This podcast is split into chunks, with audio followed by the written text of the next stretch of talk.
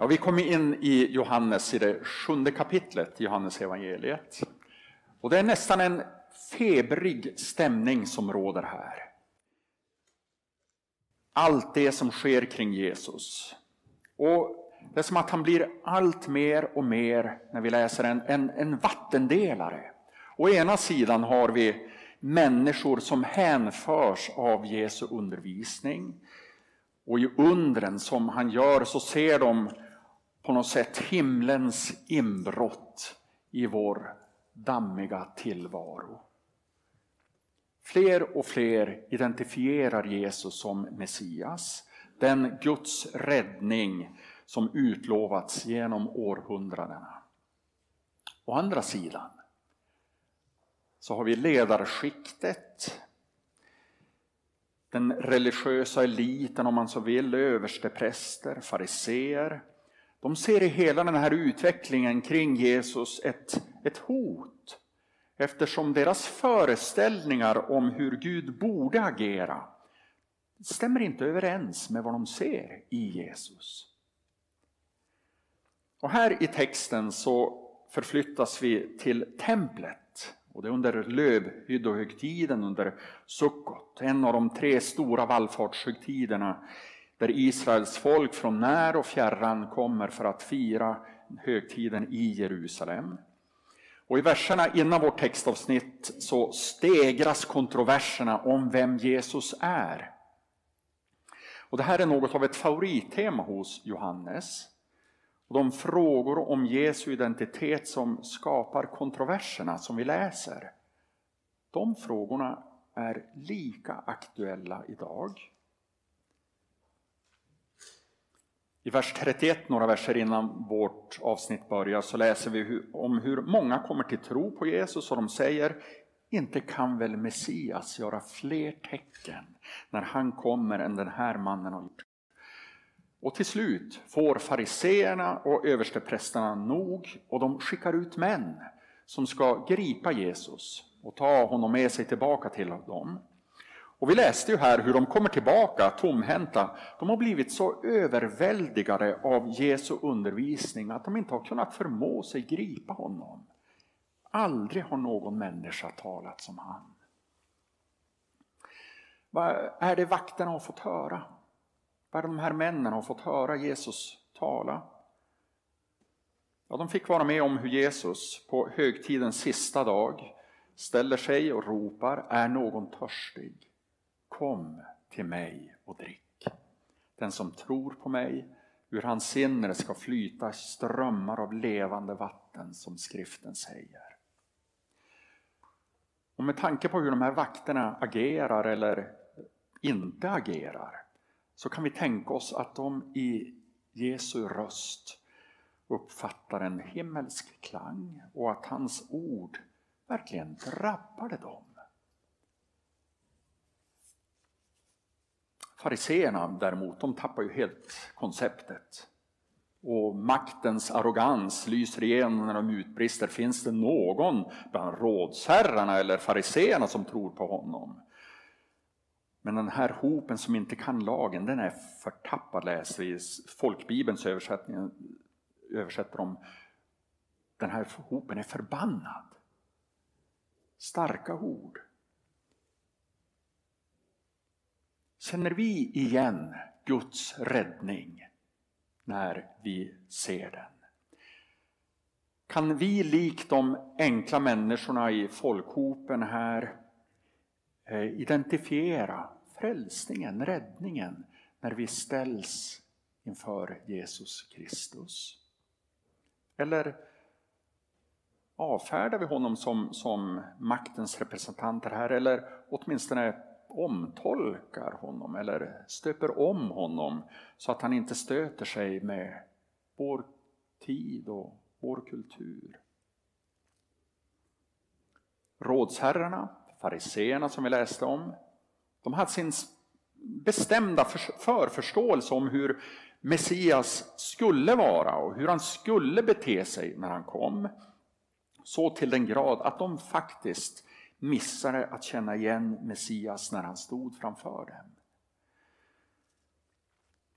Människor idag har andra föreställningar som hindrar oss från att finna frälsningen, räddningen, vägen till livet, sanningen, uppfyllelsen av mening och mål. Allt detta söker människor hellre i välfärdssystem, i ekonomisk trygghet, långtidsplanering, politiska idéer, förälskelser, relationer. Och vi missar att livet, livet med stort L och dess mening och mål enbart står att finna i Jesus Kristus.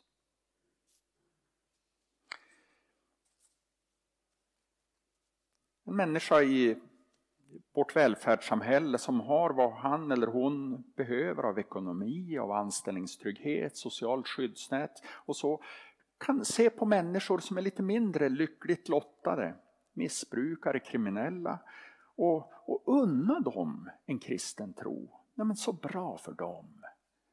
De behöver ju det verkligen. Underförstått, till skillnad från mig som har allt på det torra, som har det jag behöver. Men Jesus är inte en snuttefilt och ett tröstpris för de mindre lyckligt lottade. Och även om rådsherrarna och fariseerna avfärdade Jesus så var de i lika stort behov av honom som någon annan människa. Och även om lyckligt lottade människor idag inte ty tycker sig behöva Jesus så är de i lika stort behov av honom som någonsin en missbrukare eller någon på annat sätt mindre lyckligt lottad.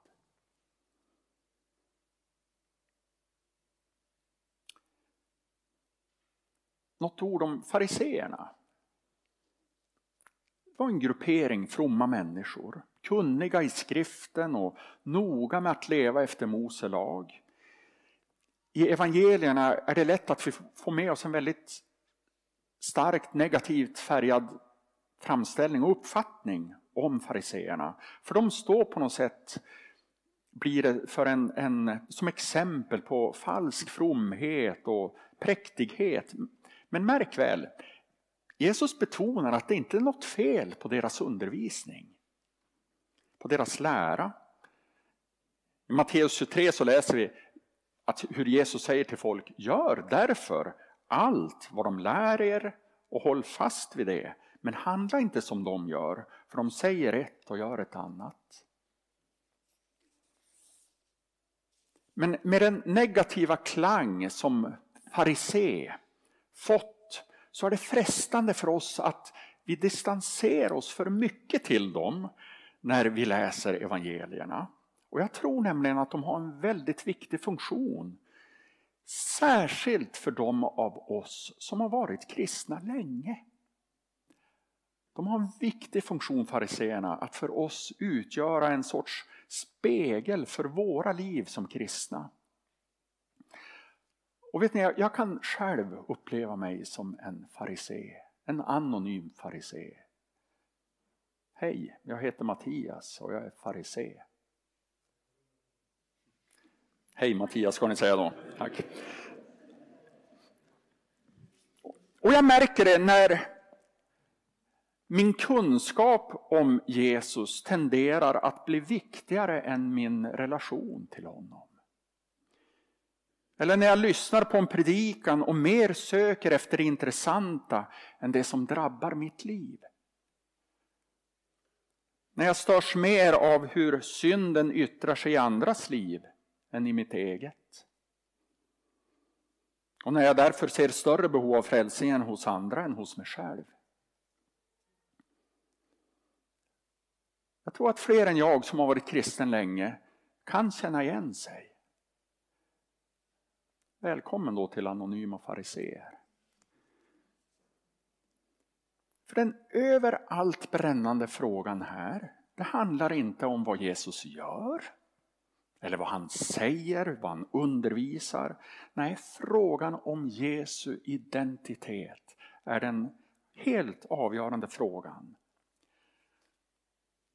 På ett liknande sätt så skildrar Markus det i kapitel 8 när Jesus samtalar med lärjungarna. Han frågar, vem säger människorna att jag är? Och de svarar Johannes döparen, men somliga säger Elia, andra att du är någon av profeterna. Och då frågar han dem, och ni, vem säger ni att jag är? Och Petrus svarade, du är Messias. Och det är precis det som är frågan här i Johannes 7. Är Jesus Messias? Och förståelsen av innebörden av Messias det är också avgörande för att vi ska förstå vidden och betydelsen av den kontrovers, den, den strid som, som vi läser om här. För det är ju så att vilken kung eller kejsare eller annan inflytelserik person som helst som vi läser om som levde för 2000 år sedan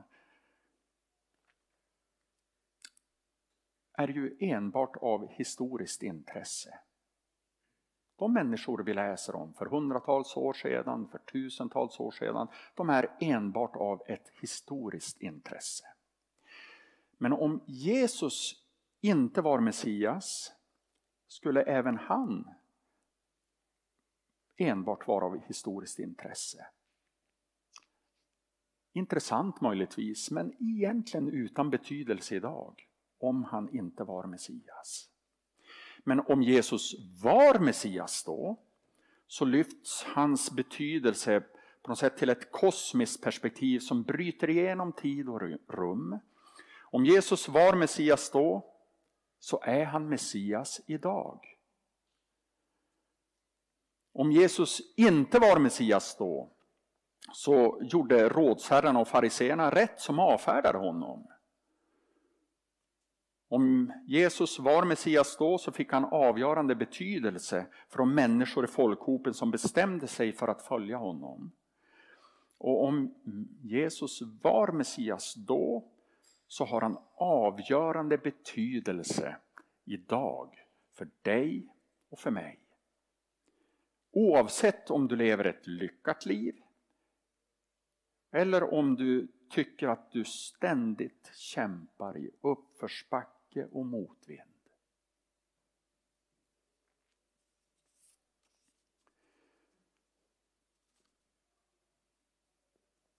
Men i religionsfrihetens namn får man väl ändå tro på vad som helst, eller hur?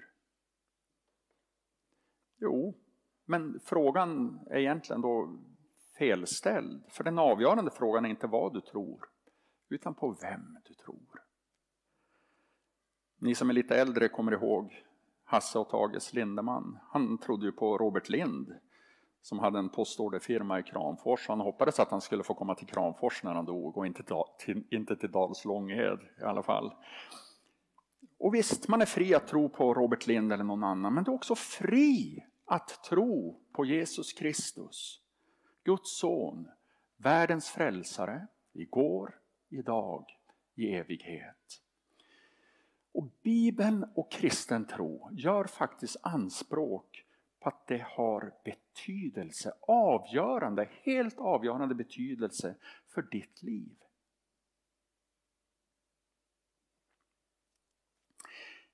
Vi möter ju Nikodemos i texten. Han var rådsmedlem, han var farisé.